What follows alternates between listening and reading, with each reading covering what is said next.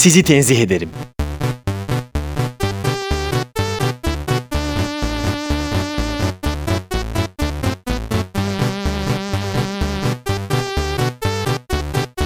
Gölgesinden korkan bir radyo programı.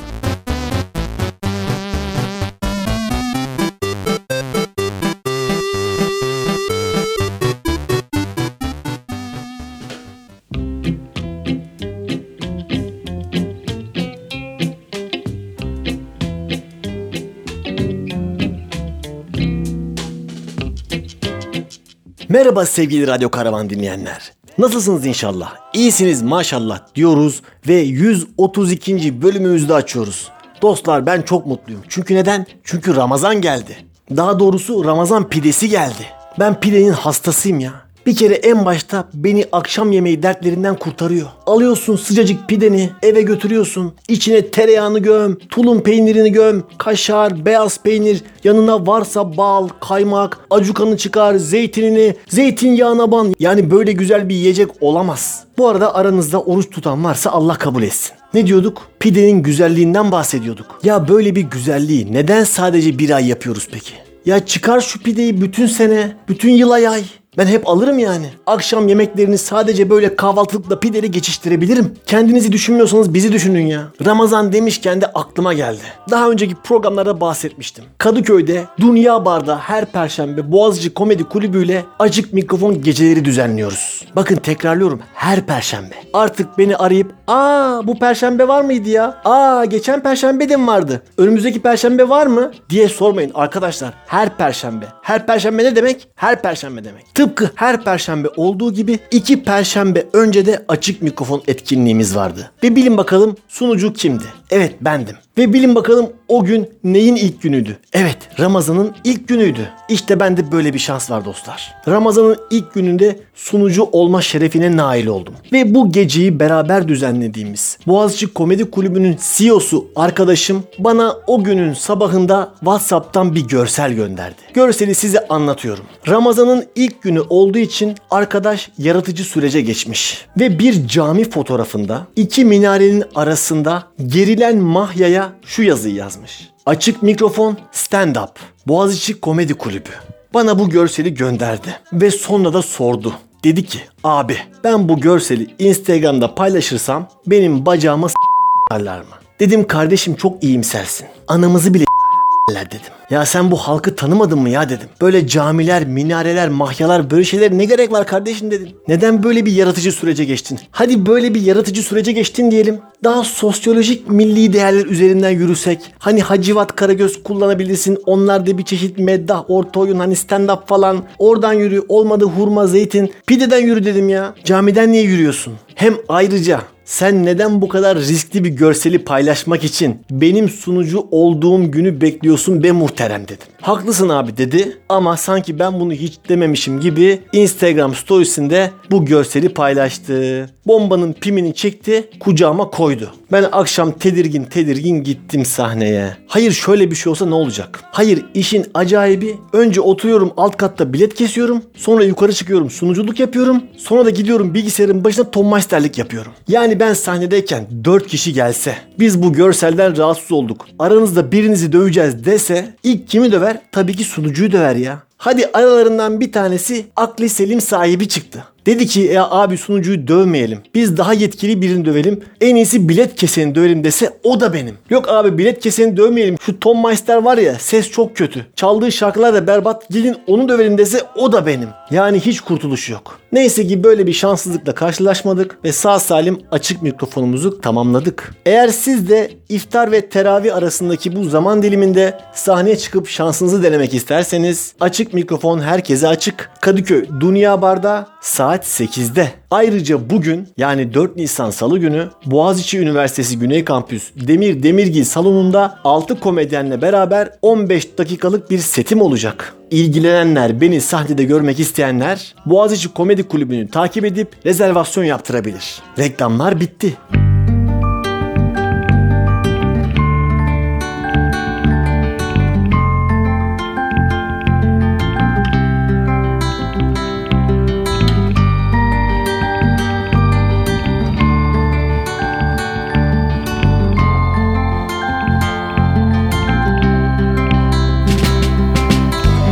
Touched the walls of a city streets and didn't explain. Sadly showed us our ways. I've never asked him why. Cast down, it was heaven sent in. To the church, no intent to repent on my knees.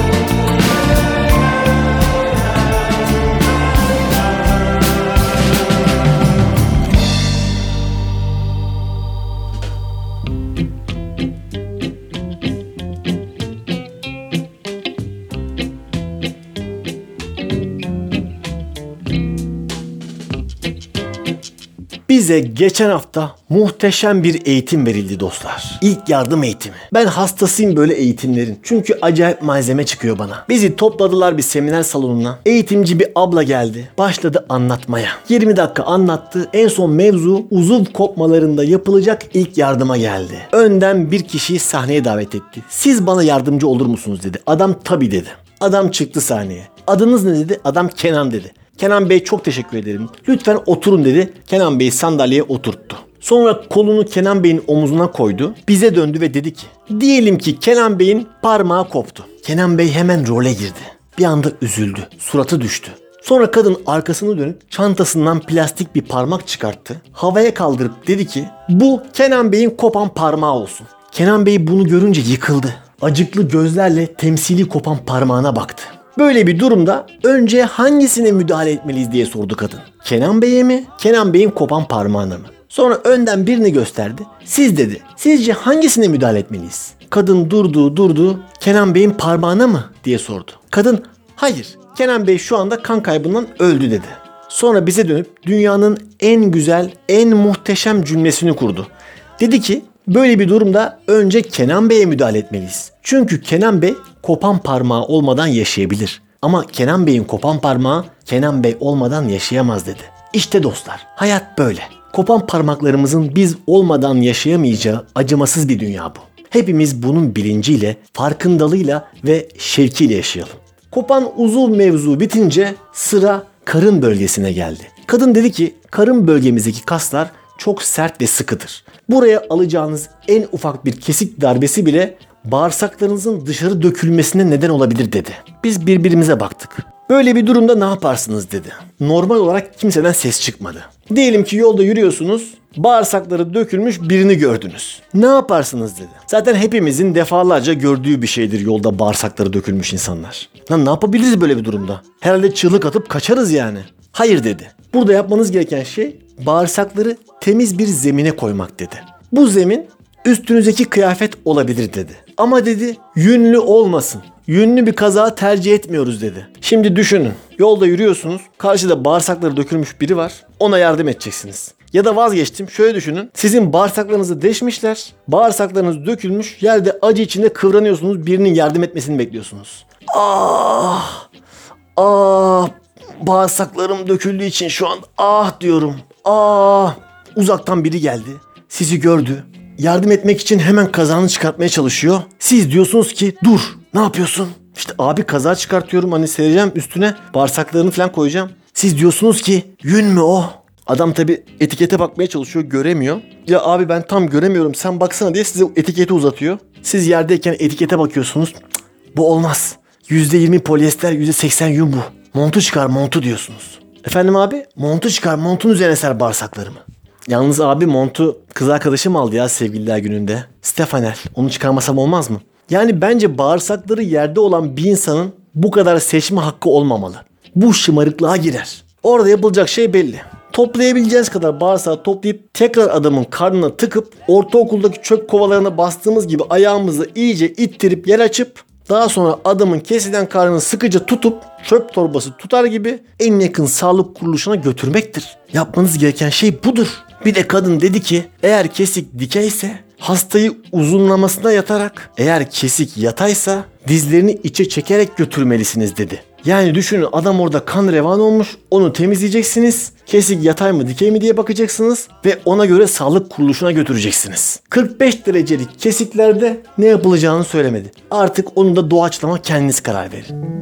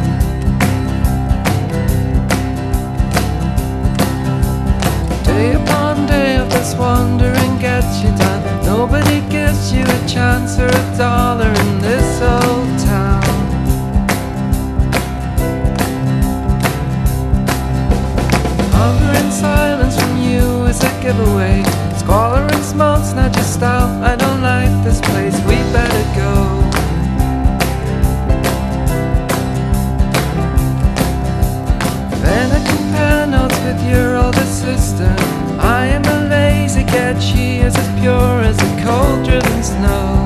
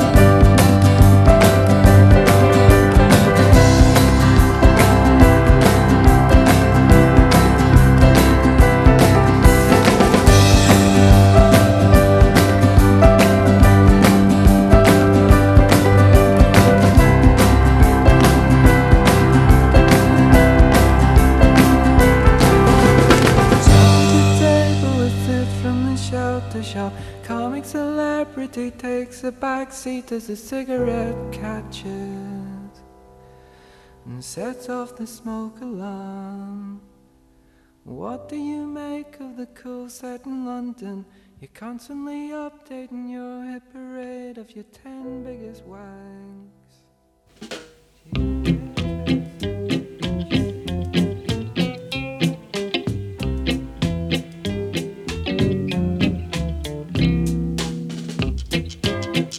Şimdi size elimle beslediğim kuşlardan ve bazı hayvanlardan bahsedeceğim. Elimle beslediğim kuşlar arasında kumru, serçe ve martı var. Evet, bazıları ilginç, bazıları normal. Kumruyu bundan 7-8 sene önce beslemiştim.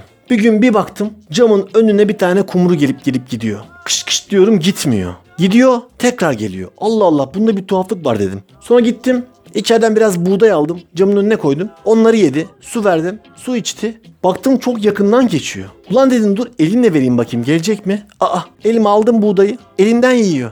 Dedim dur bakayım şunun bir kafasını seveyim elimle buğday yerken. Aa sevdiriyor. Ben ilk defa böyle bir şey gördüm dostlar. Bir hafta boyunca her gün aynı saatte gelip gelip gitti. Elimle buğday verdim. Bildiğin kafasını baş parmağımla sevdim. Avucumun içine aldım ya kuşu. Bildiğin kedi köpek sever gibi kumru sevdim ben. İnanmayanlar varsa videosunu gösterebilirim. Başıma gelen bir başka tuhaf kuş sevme olayı da serçe beslememde oldu. Ben geçen sene tatile Bodrum'a gittim. Bir kumsalda yatarken kumun üzerine ekmekler atmaya başladım. Serçeler geldi. Bilirsiniz serçeler çok ürkektir.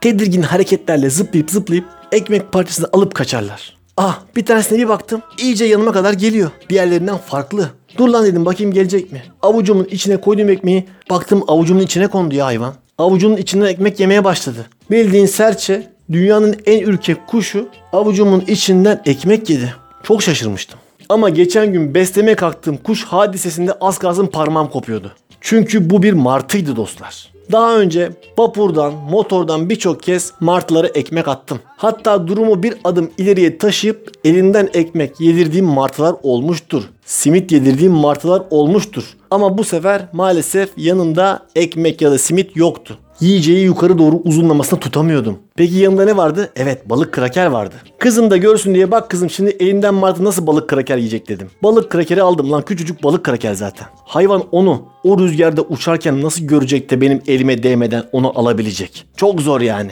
Önce balık krakeri birkaç fırlattım. Sonra dedim bak kızım şimdi elinden yiyecek. Aldım parmaklarımın ucuyla yukarı doğru tutmaya başladım. Martılar genelde ufaktı.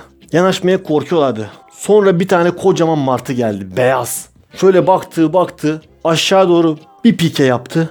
Benim elimdeki balık krakeri bir kaptı. Aa, bir baktım parmağım kanıyor. Ulan az kalsın şerefsiz parmağımı kopartıyordu ya. Sonra dedim ki ulan bu iş biraz sakat ha. Uzuv kopmaları eğitiminden sonra bir de bu martının saldırısını çekemem yani. Hayır parmağı kopardığını düşünsene. Peşinden de gidemezsin ki. Allah'ın martısı işte. Siz siz olun martıya balık kraker vermeyin dostlar. Verecekseniz de havaya atın. Havada yakalasın eşşoğlu eşek.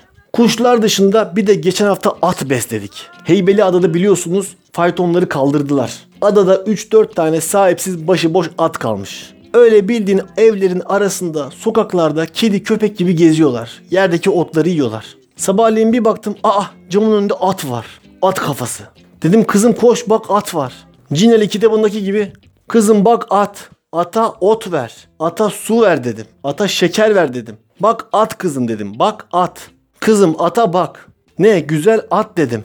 Atın sağ ön ayağının üstünde beyaz bir şey vardı. Bir şey batmıştı daha sonra pamukla kapatmışlar gibiydi. Kızım baktı. Bak baba bu akıtma dedi. Ha gördüm kızım ya dedim. Herhalde bir diken falan battı. Oraya pamukla pansuman yapmışlar. Yok baba onu demiyorum dedi. Bu atın cinsi akıtma dedi. Sonra anladım kızım atın cinsini biliyordu.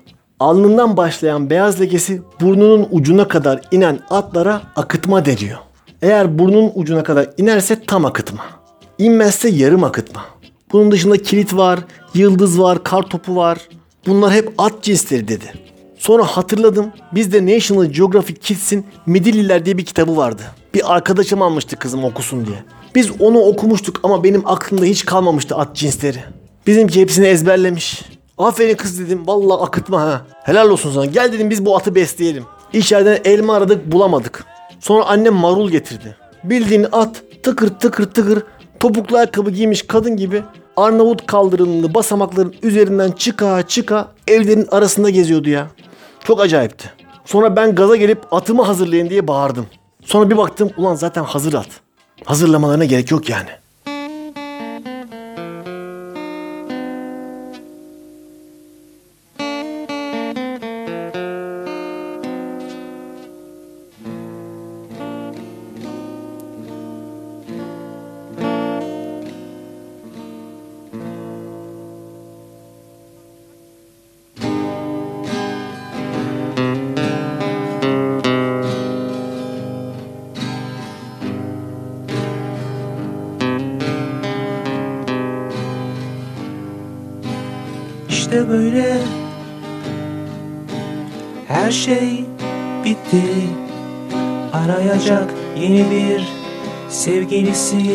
Var şimdi Telefonda?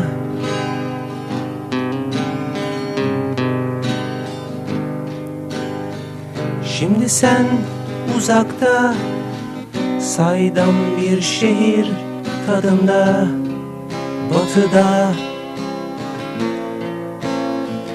Yaran açıkta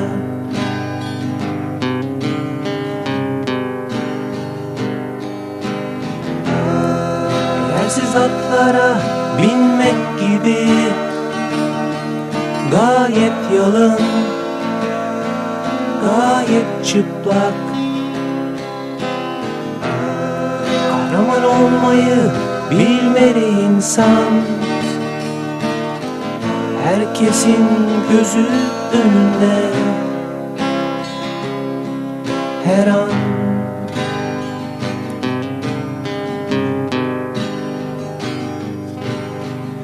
Ben de görmek isterdim Şu zevk şehrini. Yolda hep vardı Manço izleri.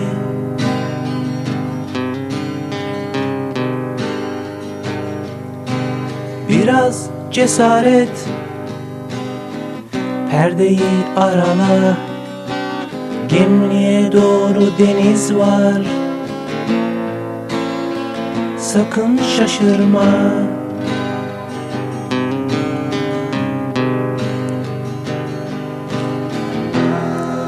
Yersiz atlara binmek gibi Gayet yalın gayet çıplak. Kahraman olmayı bilmeli insan Herkesin gözü önünde. Bir savaşın orta yerinde Müttefik aşıklardık. Nasıl yabancılaştık böyle? Buluştuk bir yerlerde, evlerde Kafelerde. Sonunda bayrak açtık bak O ölümcül sessizliğe Çok yazık. Ortada bir yanlışlık var. Oku bir dua Macera ruhuna açlar. İnanmıyor ormana. Böyle bir zamanda Gücüm yoktu kaçmaya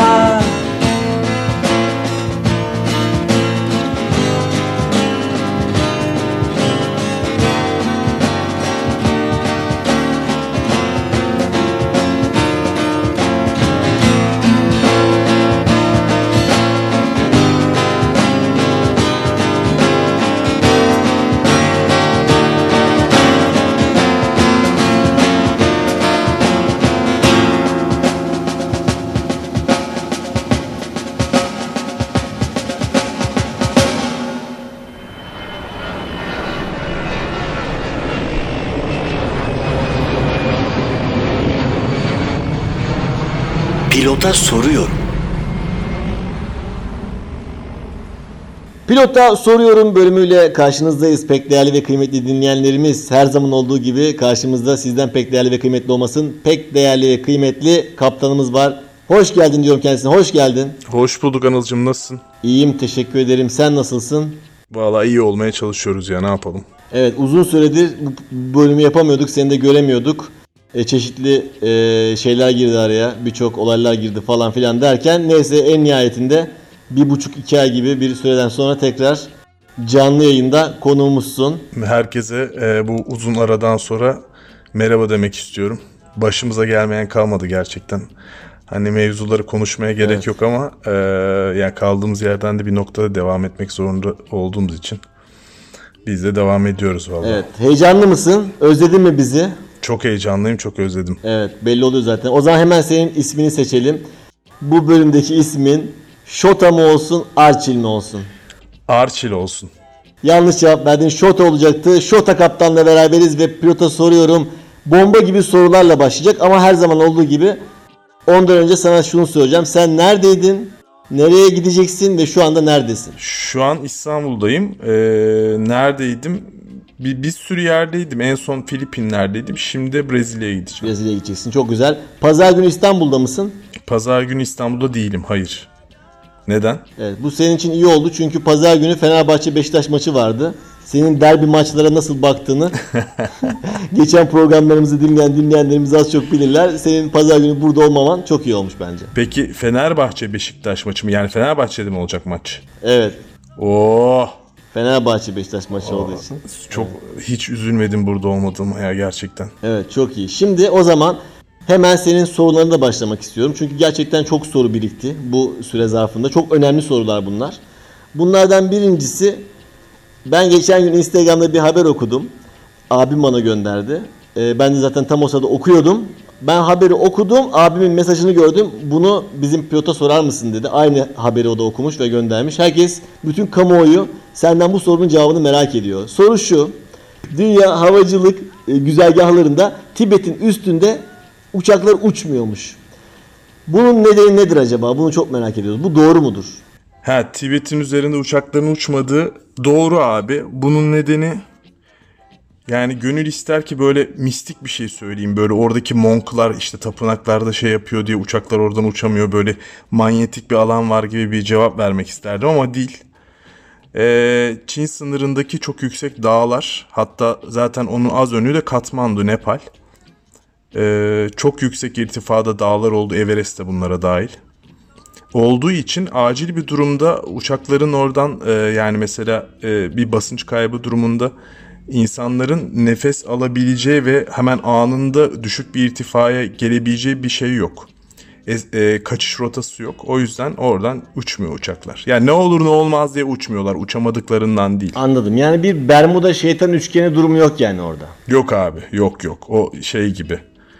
Yani e, ne bileyim Martı ile buradan Kadıköy'e giderken incecik bir tane köprü olsa işte şeyin üzerinden böyle hani bizim bu Boklu Dere'nin filan üzerinden e, ben yine de atıyorum normal Fenerbahçe stadının yanındaki yoldan giderdim. Çünkü o incecik köprünün tamam kestirme yol ama kırılma ihtimali var diye. Öyle bir şey gibi düşün yani. Peki diyelim sen uçacaksın, gidiyorsun. Dedin ki kaptana ya kaptanım boş ver ya hani o kadar da inmeyiz biraz yukarıdan uçarız. Şuradan kestirmeden basalım gidelim. Nereden baksan bir yarım saat 45 dakika kazancımız olur. Burası açık bu yol açık görünüyor bak kimse yok. Gel basalım biz desek desen. O da hadi basalım ben hadi seni mi kıracağım dese. Siz oradan geçseniz. İnişte nasıl bir prosedür sizi bekler? Valla inişte bir prosedür beklemez. Onun etrafında havalimanları çok yok. Yani en yakın işte Çin'de var bir de öbür tarafta Nepal'de var. Hani orada geçme sorun yani. Hani geçersin sadece işte başımıza bir şey geldi mi gelmedi mi gelecek mi gelmeyecek mi şanslıysan hiçbir şey gelmez. Şanslı değilsen başına bir şey gelebilir ve ondan sonra da hesabını veremeyeceğin bir yani tarihe geçersin öyle söyleyeyim yani. Hani bir bir dakikalık e, bir Yani yasak yasak değil mi diyorsun? yasak değil. Yasak değil. Ha iyi tamam geçelim o, o zaman. Çok da sorun değilmiş yani. Ben yasak falan sanıyordum. Hani böyle sizi füzeyle falan vururlar sanıyordum geçerseniz. Gerçekten güzel. Hayır oğlum ben sana hatta şöyle bir şey söyleyeyim. Mesela sen Nepal'e gittiğin zaman helikopter turları var. Seni Everest'in e, tepesine yakın bir yere kadar çıkartıyor. Neredeyse nefes alamayacağın bir noktaya kadar. Orada gidiyorsun, takılıyorsun, fotoğraf çektiriyorsun, atlıyorsun, geri geliyorsun. Yani aslında yani bu, bu iş yapılabiliyor yani böyle hani maskelerle bilmem nelerle. Ama sen 300 kişiye aynı prosedürü uygulayamazsın ya da o aralardan o insanlara indiremezsin yani şey. O yüzden yani oradan senin attığın taş ürküttüğün kuşa pek değmiyor. Yani sen diyorsun ya yarım saat kazandık buradan. Orada yani yarım saat kazanacağım diye 300 kişinin hayatını tehlikeye atmak bilmiyorum biraz e, şey düzgün matematik değil o yüzden yapılmıyor yani. Peki attığımız kuş ürküttüğümüz kurbağaya değer mi mesela? Kuşa değmiyor ama. Attığınız kuş ürküttüğünüz kurbağa Angry Birds oynuyorsan evet de, değebilir. Yok abi değmez hiçbir türlü değmez orada. Yalnız şeyi şimdi duydum. E, Gerçekten ben Everest'e sadece tırmanılarak çıkılabildiğini sanıyordum. Şimdi helikopterlerle bırakıp hani ortamlarda ben tırmandım bakın dendiğini şimdi senden duyuyorum. Gerçekten çok yazıklar olsun diyorum ya. O zaman Photoshop'ta falan da yaparlar bunu yani. Yok tepe. Yok şöyle tepesine bırakamıyor helikopter. Yani şöyle Everest'in tepesinde nefes alamıyorsun abi. Yani hani hatta belli bir işte onların seviyeleri var. Bir kamping, iki kamping falan şekilde. Bir noktada artık yavaş yavaş hipoksik durum deniyor. Yani artık oksijen alamamaya başlıyor. Kafan güzelleşmeye başlıyor ama seni bu turda böyle atıyorum 3000 euro mu böyle birkaç kişi götürüyorlar. Orada bir 5 dakika takılıyorsun. Bir ağzın yüzün şişiyor tabii böyle hani bir kafan dönüyor başın dönüyor. Fotoğrafını falan çektiriyorsun takılıyorsun. Aa burası da Everest diye yukarı gösteriyorsun yani. Ondan sonra atlayıp geri geliyorsun. Yoksa Everest'in tepesine gelip seni bırakamıyorlar. Ki seni zaten e, kimse inanmaz oradaki kamplarda birkaç gün geçirmezsen Everest'te tırmandığına inanmazlar. Yani çünkü genelde insanların ayakları donuyor, burnu donuyor, işte kafası donuyor, bilmem neyi donuyor filan. Evet, kafasının donması gerçekten çok kötü olmuş. İnşallah insanların kafası donmaz diyoruz. Burada kafasız dönen, kafasız dönen dağcılar var biliyor musun bunu? biliyorum. Nepal ilk yardım hastanesi kafasız dağcılarla dolu. Evet doğru söylüyorsun. O kadar güzel konuşuyorsun ki. O zaman istersen hemen bir şarkı arası verelim. Kafası dönen dağcılara gitsin bu şarkımız. Nepalli bir grup söylesin istersen bu şarkımızı ya da sen bir şarkı Tamam. istersen. Nepalli bir grup biliyor musun hiç? Nepalli. Yok ben sadece benim Nepal şarkımı e, biliyorum. Onu da sen de biliyorsun. Onun dışında Nepalli bir grup bilmiyorum. Ama Nepalli çok iyi e, cover yapan gruplar biliyorum. İstiyorsan seni bilmeyen evet bilmeyen dinleyici, dinleyicimiz için senin e, Nepal şarkını beraber söyleyelim istersen. 1 2 3 diyelim beraber başlayalım olur mu? Tamam. 1, 2, 3. Sorma Nepal'deyim sorma Söyleyemem sorma Yangınlar Katmandu'dayım zaman zaman Ağzına sağlık. O zaman Zeki Müren'den dinleyelim. Sorma ne haldeyim diyor. Ve birazdan biz tekrar sevgili kaptanımız Şota kaptanla beraberiz.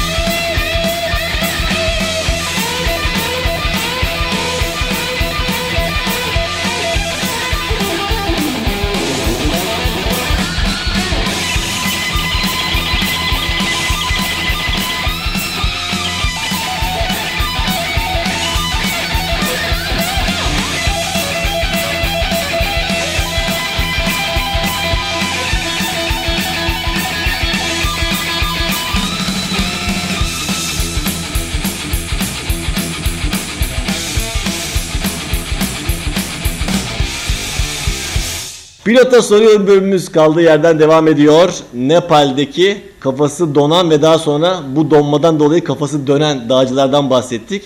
Ve şimdi o buz gibi soğuk havadan sıcacık bir ortama denizlerin içine gireceğiz. Geçen gün sevgili Şota Kaptan benim eee, şey çıktığım sahne aldığım açık mikro Boğaziçi Komedi Kulübü ile açık mikrofona geldi sağ olsun. Şereflendirdi sonunda. 3 ay sonunda ilk defa geldi ve eee, sırtındaki bir yarayı gösterdi bana. Bak dedi bana dedi köpek balığı saldırdı dedi. Köpek balığı beni çizdi dedi. Dedim inanmadım ben. Sırtını açtı gösterdi. Gerçekten de bir morluk vardı. Sevgili Şota kaptanımız denizdeyken kendisine bir köpek balığı saldırmış. Şimdi bu değişik, tuhaf bilgileri kendisinden alacağız, dinleyeceğiz. Nasıl oldu kaptanın? Valla köpek balığı saldırdı desek biraz durumu e, abartmış oluruz ama köpek balığını sevmeye gittiğim bir tura katıldık biz. Ondan sonra e, ve zararsız yani whale shark denilen balina köpek balığı ama çok büyük bir hayvan. Tabii o onu orada beslerlerken sen de atlayıp böyle yanında yüzüyorsun, görüyorsun, dokunuyorsun, videosunu falan çekiyorsun. Yani tabii dokunmuyorsun çok fazla da. O e, teknenin arasından sıyrılayım derken ben de böyle artık kuyruğuna doğru kaldım. O kadar hızlı yüzemediğim için. Ondan sonra bana kuyruğuyla bir koydu. Beni sandalla kuyruğu arasında sıkıştırdı ve sırtımda da onun e, dış yüzeyinden kaynaklanan böyle bir sürtünme, aş- aşınma izi kaldı. Şimdi daha düzeldi o ama onun tabi ileride çoluk çocuğuma, torunlarıma anlatmak için onun fotoğrafını çektirdim tabii ki. bir gün Ziya gibi köpek balığıyla işte kavga ederken çıkardım çakıyı tak tak tak tak tak tak tak. Taktım diye anlatacağım yani. Evet şimdi benim de aklıma o geldi. Sanki senin bu hikayeyi anlatırken sanki bu şarkıcı e, Gökhan neydi soyadı? Ufakat ufakat neydi civcivler yesin falan diye bir şarkısı olan neydi Gökhan? Özen mi? Bilmem. Gökhan Özer miydi? Öyle biri vardı ya hani böyle jet ski ile Yunanistan şey adalarına doğru giderken köpek balıklarına tekme atıp Ha Gökhan Özen. sen onun gibi anlattın. Sanki çok inandırıcı gelmedi ama. yani adeta bir Nihat Doğan, bir Gökhan Özen, bir dediğin gibi e, Şener Şen'in meşhur karakteri Ziya gibi anlattın. Umarım gerçekti. Biz sana inanmak istiyoruz. Gerçek gerçek videoları bile var. Tamam. O zaman ben sana bunun videolarını alayım bir ara. izleyeyim, bakayım. Dinleyenlerimize doğru ya da yanlış diyeyim. Çünkü e, ben biliyorsun her zaman doğrudan, açıktan şeyden yanayımdır. Doğru bilgiden yanayımdır. İnsanları da kandırmak istemem bu senin saçma sapan hikayelerinle. Evet. Gerçekten teyit.org gibi insansın. Atacağım sana videolarını. Hatta arkasına böyle bir Jaws müziği falan ekleyip atmayı düşünüyorum. Daha inandırıcı olsun diye. Tamam. O zaman ben bu videoyu da izleyeceğim. Dinleyenlerimize programın sonunda evet doğru ya da hayır tamamen sallıyor diğer dinleyenler. Hiç kafanızda böyle bir şey kurmayın derim kendilerine. Tamam uyar. Anlaştık. O zaman dünkü şeyden bahsetmişken gösteriden e, senin nasıl bir performans sergilediğini de anlatmak istiyorum ben e, dinleyenlerimize. Şimdi açık mikrofon olduğu için çeşitli komedyenler çıkıp sahneye 5 dakikalık setlerini icra ediyorlardı. Sen ortaya gelip şöyle bir konsept edindin kendine. İnsanlar şakalarını tam yapacakken onların şakalarını komedyenlerden önce yaparak bütün kahkahayı ve alkışı alma konseptiyle hareket ettiğini ben senin gördüm. Birkaç defa bu yaşandı. Komedyenler tam yavaş yavaş hazırlıyorlar, hazırlık yapıyorlar, şakayı bir yere getiriyorlar. Sen adamın söyleyeceği kelimeyi, cümleyi söyleyip bütün şakanın alkışını alıp sahnedeki adamın çok affedersin ağzına ortamda alkışı aldın. Bu konu hakkında ne düşünüyorsun? Abi şöyle yani e, ben orada onu söyleyebileceğini düşünmedim. Benim aklıma gelen ilk şaka e, oydu. Yani Muharrem İnce ile olan şaka öyleydi zaten hani aklımdan geçen bir şeydi. Ama ondan önce davranmak gibi bir amacım yokken ama aklıma gelen ilk söylediğim için ondan önce davranmış oldum. Arkadaşımızdan da özür diliyorum şimdiden. Yani sahne performansını baltalamak hiç istemem. Ama şaka geliyorum dedi yani. O yüzden bir şey yapamadım. Kendimi durduramadım. Orada bazı şeylerde durduramıyorum kendimi ya. Evet şaka geliyorum demez bu arada biliyorsun. Ben, bana dedi valla. Bana bütün şakalar geliyorum diyor ya. Zaten bir laf vardır Anadolu'da biliyorsun. Bir adamın Ömer dişi ağzının büzüşünden belli olur derler. Onun da gerçekten o esprisi geleceği belliydi ama biraz da keşke bekleseydin de alkışı o alsaydı sen almasaydın. Bu arada senin dünkü kıpır kıpırlılığını gördüm. Senin sanki sen de böyle sahneye çıkıp kendini oralara atıp insanları güldürme hevesindesin. Bekleriz her perşembe Kadıköy Dünya Bar'da seni de bekleriz sevgili kaptanım. Abi valla eğer ya anlatacak çok şey var. Ne kadar insanlar ilgilenir. Ha, değişik şeyler anlatabilir ama böyle bir metin üzeri metin yok elimde. O yüzden hani e, bir de yani öyle bir şeyim de yok. Hani iddiam ya da amacım da yok. Ama bir gün böyle bir şey toparlarsam böyle e, şey yapmak isterim. Konuşmak isterim. Çünkü yani bence komik insanların gülebileceği şeyler malzeme olarak var gibi sanki. Evet gayet var diye düşünüyorum ben de. O zaman senden de bunun sözünü alalım. Ee, sen de kendini bir 5 dakikalık 6 dakikalık setini hazırla. Diyelim ki Şota Kaptan bu perşembe çıkıyor. Herkes gelsin bakalım mekan nasıl doluyor. O zaman hep beraber bu sinerjini görelim. Öyle oturduğun yerden laf atmak da olmaz. Seni er meydanına davet edelim kardeşim. Yok haklısın. Öyle bir şeyimiz yok. Ben ilk defa gördüğüm için hani acaba nasıl olur işte insanlara karşı konuşmak nasıldır, espri yapmak filan hani kimseden tepki göremeyince nasıl toparlanır filan onların hepsi bir şey konusu yani hani profesyonellik konusu. Ama çok da sallamamak lazım. Böyle herkes adam ta Beylikdüzü'nden gelip 3 dakika konuşup böyle çok tepki almadan gayet güzel bir şekilde yerine de oturabiliyor yani o yüzden problem yok bence. O yüzden, yani yapılabilir. Ben şey bir, bir zamanım olsa oturur bir taslak hazırlarım aslında da. Ne kadar güzel olur onu bilemem tabii yani. Bu arada sana da teşekkür edelim. Renk kattın dünkü açık mikrofonumuza. Gayet güzel geçti sayende ve arkadaşlarımızın sayesinde.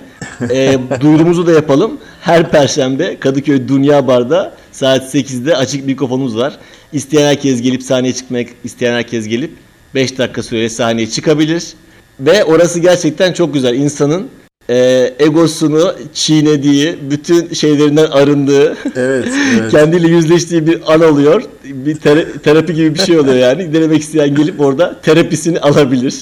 Çok güzel bir şey oluyor. Challenge oluyor. Kesinlikle kesinlikle öyle. Bilmeden yani bilmeden böyle konuşmak kolay ama gerçekten orada e, yani insanların karşısına çıkıp kafandaki bütün tabuların ezildiği yani sadece gülmek için işte bütün e, siyasi, ırksal, etik şeylerin üzerine bile gidilebildiği acayip özgür bir ortam var. O yüzden e, ilk önce bir dumur oluyorsun sonradan ortama alışıyorsun ve sonradan da gerçekten bizim oraya giden böyle terapi olarak giden arkadaşlarımız da var. Adamlar hep böyle açık mikrofonları kovalayan işte son zamanlarda e, bu işleri yapan arkadaşlarımız var. Ben herkese tavsiye ediyorum. Perşembe günleri akşam Dünya Bar'da. Gelsinler görsünler. E, öyle bir medeni cesaretleri varsa çıksınlar sahneye. Tavsiye ederim yani çok eğlenceliydi. Evet teşekkür ederiz. Biz zaten ben hep orada oluyorum. Kaptanımız da fırsat buldukça gelecek. O zaman sen şimdi simülatöre gidiyorsun herhalde. Bir oyuncak e, uçak kullanacaksın. Evet. E, bugünkü dersiniz ne bugünkü dersiniz ne olacak? E, 200 bin fitte e, ara, a- şey uçak patlarsa ne yaparsın? İsimli şey mi olacak? Be- Simülasyon mu olacak? Benzer. Benzetme mi olacak? Aynen aynen benzer benzer. Senin simülatörle ilgili muhteşem bir lafın vardı hatırlatayım istersen. Hatırlat lütfen. Simülatör ben benzetme demiştim. Sen de demiştin ki senin ağzını burnunu kırdığım zaman sana simülatör mü yapmış oluyorum demiştin. Evet çok güzel demişim. Gerçekten ağzıma sağlık benim de. O zaman sana bu güzel şakayla veda edelim. Sana da iyi simülasyonlar dileyelim. Teşekkür ediyorum. Güzel güzel hani oyuncak da olsa, yalan dolan da olsa, gerçek olmasa da inşallah o uçağı sağ salim indirirsin. İnşallah teşekkür ediyorum. Oyuncakları sizin için uçuruyoruz. Bu da benim sloganım olsun bugünlük. Harika bir slogan. İleride bir şey açarsak, e, havayolu şirketi açarsak. Bu arada havayolu şirketi açanlara şöyle bir şey derler. Havayolu çok karlı bir iş değil e, konseptiyle söylenen bir söz var. Biliyor musun bilmiyorum. Eğer havayolu şirketi açarak milyoner olmak istiyorsanız milyarder olmanız lazım derler. Evet doğru. Doğru riskli bir sektör o yüzden. Güzel bir laf değil mi? Evet. O zaman bu güzel tavsiyeyle havayolu şirketi işine girmek isteyenlere küçük bir e, yatırım tavsiyesi vermemiş olalım. Çok teşekkür ederim Şota Kaptan. Ben teşekkür ederim. Benim ismim niye Şota'ydı ya? Bu niye Şota olmuştu benim ismim? Şota ile Arçil demiştim. Sen Arçil demiştin. Hayır Şota demiştim. İkiz kardeşler. Trabzonlu futbolcular. Bu e, Acun'un Hull City'ye şey teknik direktör yaptığı Şota mıydı? Şota'ydı. Kovuldu mu bilmiyorum ama büyük ihtimalle. Şota birçok takımda da çalıştı. Trabzon'da çalıştırdı. Kasımpaşa'da çalıştırdı. Şimdi mi aklına geldi? Yaklaşık bir yarım saat sonra mı düştü jeton? Sadece öğrenmek istedim ya bu kadar. Sorularım bu kadar. Aceleye geldi açıkçası. Ya ben Takamine falan mı sorsam diyordum. İşte Les Paul mu Takamine mi falan diye. Sonra Shota Archil sorayım dedim. Açıkçası birazcık bir anda yapmaya karar verince kaydı. Aceleye geldiği için öyle yaptım aslında. Güzel çok iyi yaptın. Bence ben Şoto'yu sevdim. Eyvallah. O zaman e, ömrüne bereket diyorum. Emeğine ömür ve yüreğine sağlık diyorum. Ben de ağzına sağlık diyorum şekerim. Çok sağ olasın. Öpüyorum. İyi uçuşlar. Öpüyorum seni. Eyvallah. Görüşürüz.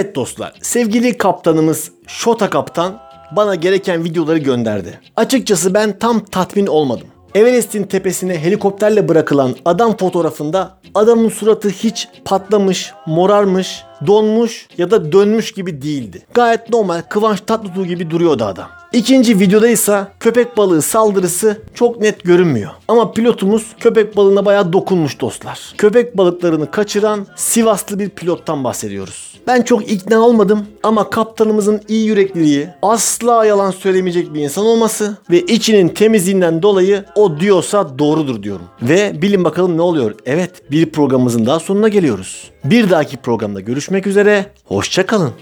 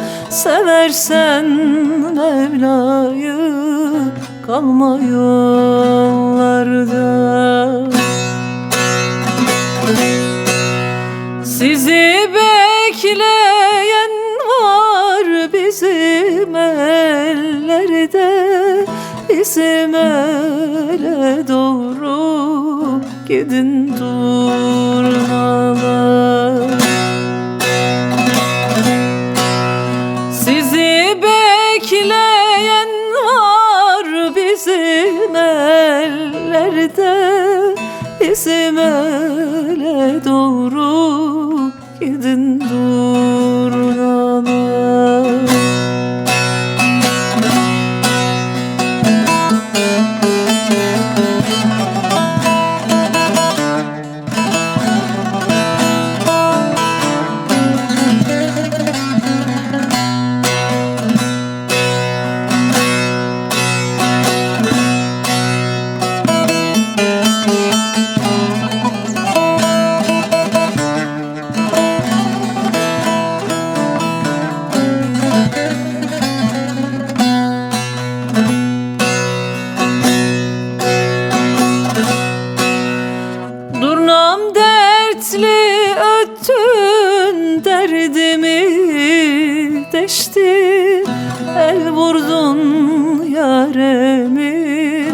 başını açtı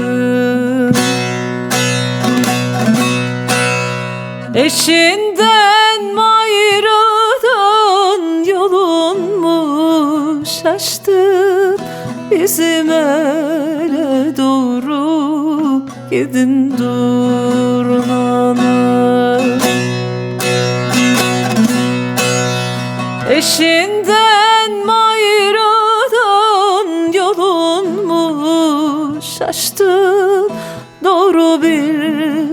katara yedin dur.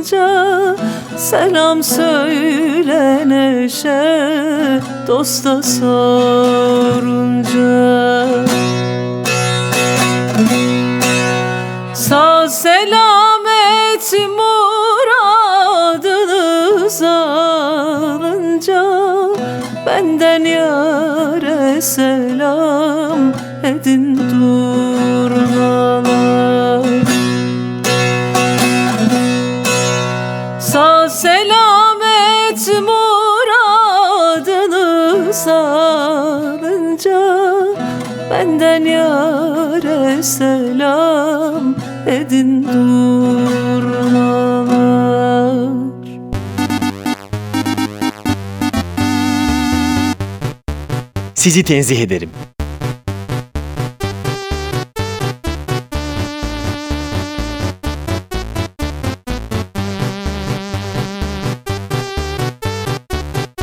Gölgesinden korkan bir radyo programı.